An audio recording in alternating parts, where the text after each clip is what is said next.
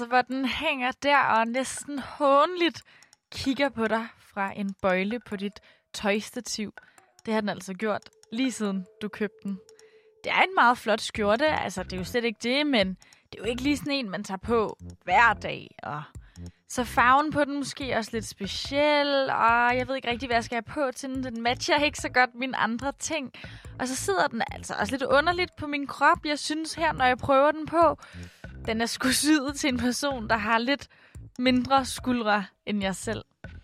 Så øhm, jeg har valgt at lade mig skille sig af med denne her skjorte, og jeg står foran en genbrugscontainer for at sende den videre i systemet. Har rigtig god samvittighed. Containeren har et skilt klistret på siden, der lover mig, at skjorten her vil bidrage til kampen mod udbredelsen af AIDS i Afrika.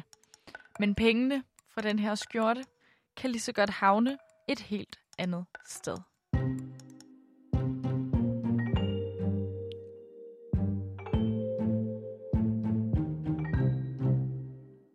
I år 2019 gav den danske organisation Ulandsbistand fra folk til folk, eller UFF, som vi også kan kalde det, i alt 0 kroner af deres overskud fra tøjindsamlingerne til ulandsbistand. Og kan det virkelig passe? Altså kan en velgørenhedsorganisation af alle ting overhovedet slippe afsted med den her slags? Det dykker vi ned i her i dag mit navn er Nana Mille. Du lytter til Udsyn, som i dag er produceret i samarbejde med Danwatch.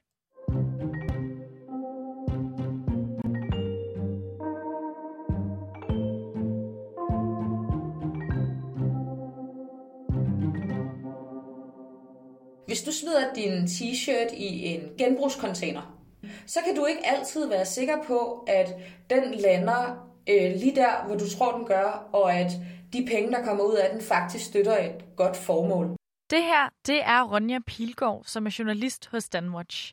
Og det, hun hentyder til her, det er altså den danske ulandsorganisation UFF. Deres tøjindsamlinger giver nemlig meget få penge videre til de ulandsprojekter, de siger, at de støtter. Altså det, vi har kunnet øh, fortælle i vores artikler, det er, at UFF i Danmark ikke giver særlig meget til ulandsprojekter, at det den omsætning, de har. UFF i Danmark har en omsætning på cirka 10,5 million om året. Og at det, jamen i 2019 var der ikke nogen penge, der gik til øh, ulandsprojekter i, fra tøjindsamling. Altså 0 kroner af overskuddet fra tøjet gik til støtteprojekter det år, selvom de faktisk tjente 8,3 millioner på tøjindsamlingerne alene. Lad os lige øh, forsøge i hvert fald at parkere det vilde faktum et øjeblik og lige få styr på, hvad UFF egentlig er for noget. UFF er en forening, øh, og UFF står for ulandshjælp fra folk til folk. Og den er startet i 1970'erne af en gruppe mennesker, som har rødder i den rejsende højskole og det nødvendige seminarium, som ligger på det sted i Vestjylland, der hedder Tvind. Og tanken med UFF, det var jo ligesom, som organisationens navn også siger, at man vil hjælpe folk i nød. Allerede fra starten gik UFF i gang med at samle tøj ind, og tanken var så, at de, de penge, man kunne tjene på øh, brugt tøj, jamen det kunne man bruge til ulandsprojekter ude i den store verden. Øh, så UFF er en forening, som i starten i hvert fald har haft det formål, at der skulle penge til ulandene. Og hvor stor er UFF så? De har øh, 300 medlemmer i Danmark. Men det kommer jo lidt an på, om man taler om UFF i Danmark, eller om man taler om den paraplyorganisation, som UFF er en del af, den der hedder Humana People to People, som samler alle de ulandshjælp fra folk til folker, der ligger rundt omkring i verden. Fordi det er en meget, meget stor organisation, som arbejder i mindst 45 lande. Okay, så UFF i Danmark er jo ikke nogen kæmpe stor forening, men den er en del af en enorm verdensomspændende organisation, den som altså bliver nævnt her, Humana People to People. Men omdrejningspunktet her, det er altså den danske afdeling af UFF. Så lad os lige høre, hvad de går og bruger deres tid på. Jamen, de samler tøj ind. Jeg tror, de er nede på 600 containere, der står rundt omkring i Danmark. Og når de har cirka 20 tons, så propper de det på en, øh, en lastbil eller en container, der skal med skib, til en sorteringsfabrik. Øh, så det bliver altså kørt til Østeuropa eller Tyrkiet. Og der bliver tøjet sorteret, og så bliver det solgt videre derfra. Så UFF i Danmark, de øh, samler tøj ind, og så sælger de det videre til nogle øh, sorteringsfabrikker i Østeuropa. I Danmark samler organisationen omkring 2.500 tons tøj ind om året, og af indtjeningerne på tøjet, så kommer der generelt set en meget lille del af det videre til organisationens støtteprojekter, siger Ronja. Det har man altså kunne se på UFF's egne årsopgørelser, som de har lagt op på deres hjemmeside. På et tidspunkt så besluttede øh, UFF sig for at begynde at lægge øh, et ret detaljeret regnskab frem, i stedet for bare en resultatopgørelse. Øh, og på den måde har vi så kunnet sammenligne for de sidste seks år. I gennemsnit over de senere år, så er der gået 6% af omsætningen fra tøjindsamlingen til ulandene. Altså, jeg har ligesom ikke som privatperson her, Nana Mille, nogen som helst referenceramme. Altså, hvordan ser det ud hos de andre støtteorganisationer, der handler med tøj? Hvor mange penge giver de direkte videre til støtteformålet til sammenligning? Jamen, som en af mine kilder sagde, så er normalen jo, at så mange penge som muligt kommer afsted. Ronja her bruger altså Røde Kors som eksempel. De havde i 2019 i øh, genbrugsarbejdet alene udgifter for 144 millioner kroner og en omsætning på 218.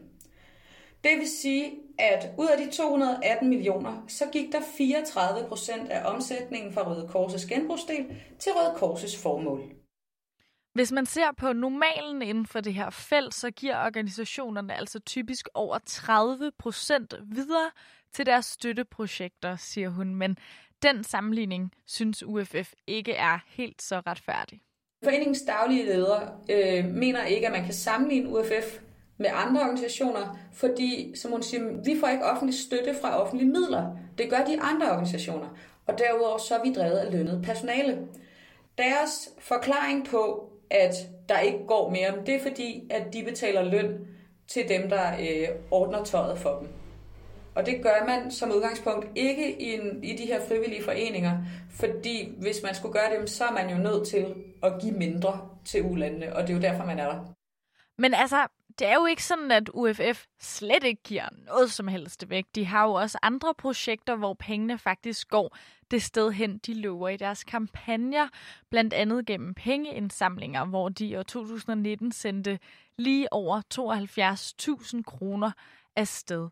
Det er bare ikke så meget gennem tøjet, pengene kommer fra. Og hvis vi ser på netop tøjdelen, er det så overhovedet lovligt, at UFF har givet 0 kroner til deres støtteformål?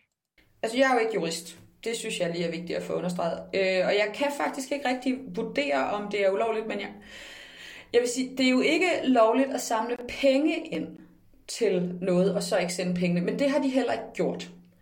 Øh, om det er ulovligt at kalde sig ulandshjælp fra folk til folk, og så bruge størstedelen af sine penge på lønninger i Danmark, og at øh, bruge penge derefter på miljøoplysning i Danmark og på informationskampagner i Danmark.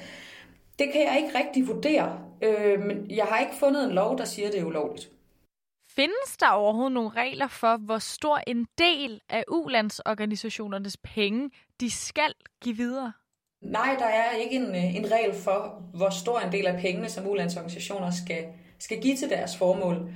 Og det er der jo blandt andet ikke, fordi foreninger og ulandsorganisationer, de kan have nogle rigtig dårlige år, hvor at øh, hvis der er nedgang i økonomien generelt, jamen, så tjener de færre penge. Og hvis de havde regnet med at komme til at tjene nogle penge, og de derfor har gældsat sig, jamen så kan de jo ende et sted, hvor de simpelthen ikke har råd til at give det, de gerne ville til ulandsorganisationerne. Øh, og hvis det dermed var ulovligt, at øh, jamen så må I ikke findes, hvis I ikke giver mindst 10 procent, jamen så ville folk jo være nødt til at lukke, selvom de året efter så ville kunne komme op igen. Så der findes ikke regler for det. Havde UFF da så et hammer dårligt år i år 2019? Ulandshjælp fra folk til folk øh, har i hvert fald oplyst til os, at 2019 var et svært år med mange omprioriteringer. Øh, det, der undrer mig, når jeg kigger i regnskabet, det er, at de har ikke tjent færre penge. De har solgt tøjet til øh, cirka samme pris. De har samlet øh, cirka samme mængde tøj ind, øh, men de har haft lidt flere ansatte, og der har været nogle af de daglige organisation, øh, organisationsudgifter, som også er blevet lidt højere. Øh, så øh, altså, det, det ser ikke ud som om, at der ligesom er... Øh, jeg kan ikke læse ud af det, at de har været i knibe, men det oplyser de selv. Det er i hvert fald ikke første gang i historien, at der bliver kastet kritiske blikke efter UFF.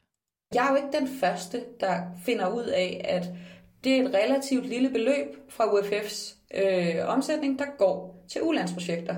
De hedengangene Radio 24-7, de lavede noget på det i 2016, da de første regnskaber blev offentliggjort.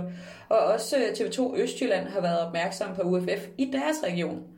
Så det, der er nyt her, det er, at vi lige pludselig har en overrække, vi kan sammenligne med, men også, at vi er begyndt at undersøge de andre humane organisationer i Vesten. Og der kan vi jo så se, at det for omsætningen i Europa, der er det 13 procent, der går til ulandsprojekterne. 13 procent, som jo altså stadig er en del under de 30, Ronja siger, er mindstebeløbet. De andre organisationer herhjemme normalt giver videre. Men UFF's regnskaber, de har jo så været i mediernes søgelys i et stykke tid nu. Har der været nogen som helst konsekvenser for UFF efter de her historier fra tidligere? Det er ikke rigtigt mit indtryk, at der er sket så meget siden. Øh, nej. Okay, så man kan simpelthen bare godt tillade sig at gøre det, de har gjort, eller hvad? Hvis at jeg skal donere tøj, så vil jeg da øh, gerne vide, hvad, øh, hvad pengene går til. Vi har talt med blandt andet en regnskabsekspert, som, som sagde, men han ville i hvert fald føle sig, føle sig snydt, hvis han puttede en pose med tøj i en container, der stod ulandshjælp fra folk til folk på. Og så fandt han ud af, at pengene gik til at lønne 15 mennesker i Solrød.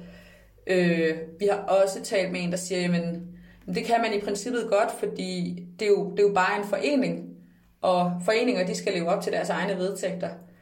Øh, men at man som forbruger, der helst skal kunne regne med, at når noget hedder ulandshjælp, at så går langt størstedelen af pengene til ulandshjælp. Altså nu hjemme hos mig lige nu står der seriøst en øh, sæk med en bunke af tøj, øh, som jeg ikke kan passe længere, som jeg gerne vil donere. Altså hvad kan jeg gøre, hvis jeg gerne vil være sikker på at støtte et bestemt formål, når jeg på et tidspunkt skal have doneret det her tøj? På danwatch.dk har vi i bunden af en af vores artikler simpelthen lagt en guide, hvor man i grove træk kan se, hvad der sker med en t-shirt, fra man putter den i en container, og til pengene så går til et formål. Øh, men det første sted, man som forbruger kan kigge, er selvfølgelig på foreningens hjemmeside. Synes man, at det er fedt, at overskud det går til udsatte danske børn og deres feriekolonier, jamen så er der foreninger, som donerer overskud til det. Det andet sted, man bør kigge, det er i regnskabet. Øh, de fleste organisationer har jo faktisk tykket tallene for en, sådan så man ikke behøver at være den store revisortype. Men her kan man i hvert fald læse, hvad der egentlig sker med pengene i en organisation. Det kan man i deres årsrapport, og det kan man i deres vedtægter. Så hvis du gerne vil vide lidt mere om, hvor tøjet du donerer ender henne, så kan du starte med at gå ind på Danwatch hjemmesiden. Programmet her er produceret i samarbejde med selv samme Danwatch, og hvis du gerne vil læse mere om UFF's ulandsprojekter, så kan du også finde det på danwatch.dk.